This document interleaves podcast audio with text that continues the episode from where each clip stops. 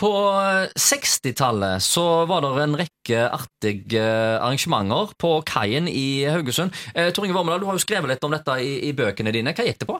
Ja, altså, Du hadde jo da denne her eh, Nordsjøfestivalen. Eh, Det var en fiskefestival eh, som trakk eh, masse folk, både lokale folk, men òg de kom tilreisende for å eh, dra ut i eh, små båter eh, langt ut på havet for å finne den største fisken. da. Men for å pepre opp eh, dette arrangementet, da, så ble det òg lagd eh, missekåringer. Eh, på, på kaien. Og måten det skjedde, det var jo litt eh, artig. Altså, I dag ville det aldri kunne gå an, men Ja. eh, både Haugesund Dagblad og Haugesunds Avis var jo med på dette. her og trakk det? Ja, De var med som eh, delvis arrangør, men de trakk eh, fram kandidatene og oppfordra jentene til å stille opp.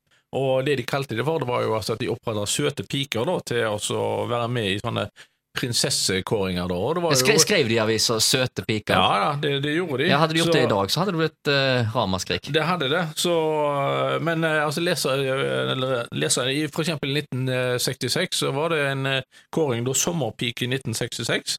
Og Da er det at de oppfordrer å sende et bilde av kjekke piker over 15 år som er sporty og greie, og som tar seg godt ut. Oh, ja. eh, og Så ble det da sendt inn bilder, da, og de var jo relativt lettkledde. da. De skulle være i bikini. Oi, oi, oi. Ja da. Så, øh, og en del av disse her når, når da avisene skal kommentere disse her øh, bildene de får inn, og, og valgene de gjør, da, så altså for eksempel en Ser jeg et eksempel her. Øh, Valget falt altså på søte Agnes. Med sine 19 somre og 49 veldreide kilo tror vi hun skulle ha god sjanse til å stikke av med tittelen. Da var det liksom sånn øh, de, Ja, de som skulle være med og stå nede på kaien i bikini og, og, og sånt. Ja. Eh, noen eh, dager senere da, så hadde de jo funnet en ny finalekandidat av de som skulle være nede på kaien. Og eh, Hun ble eh, presentert på følgende måte, da, dette er i Haugesunds Avis. Festivalkomiteen har nå utpekt sin Neptuns datterkandidat, og valget falt altså på søte Gro Elin Lone fra Haugesund.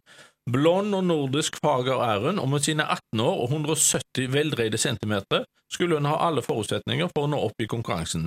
Hennes strategiske mål er 90-65-90 centimeter, og likevel er hun stadig uforlovet og uten fast følge. okay. Og så var det et flott bilde av eh, henne da. Så altså i, eh, i 1969 da, så var det seks kandidater da, til denne missekåringen på Indre Kai. Da, og eh, kriteriene for å vinne denne konkurransen det var jo litt mange og rare. Altså, Hadde avisene gjort noe sånt i dag, så hadde de blitt eh, halshogde og, og pepe ut i dette metoo-tida. Men i, i eh, 1969 så skriver de blant annet alle har fått hver sin buksedrakt, og de vil bli presentert for publikum i disse, og deretter i bikini. Den av kandidatene som etter presentasjonen blir mest tiljublet av deltakerne i festivalen og andre skuelystne, stikker av med tittelen Neptuns datter 1969. Hun vil måtte gjennomgå en rask dåpsseremoni, dukkert i Smeasundet, og beholder hun da fatningen og ikke hyler for høyt, er tittelen hennes. Skulle hun under dåpen oppføre seg for eh, Neptuns datter lite verdig måte, vil tittelen bli gitt til en av hennes andre kandidater. da. Og denne kåringen da, den fant altså sted på Indre Kai, og jentene de ble iført da, bikini og satt oppe på noen paller på Indre Kai, og så sto da disse mannfolka som hadde vært ute og fiska, og jubla og ropte og, og, og sånt. da. Så for å si det sånn, mer primitivt det kunne det vel ikke Knapt gjøres, ja, ja. eh, da, men eh, dette var jo da avisene som Ja. eh, gikk inn på da. Ja, Vi skal snakke mer om dette temaet. Tor Inge Vormedal er med oss igjen om eh, få minutter.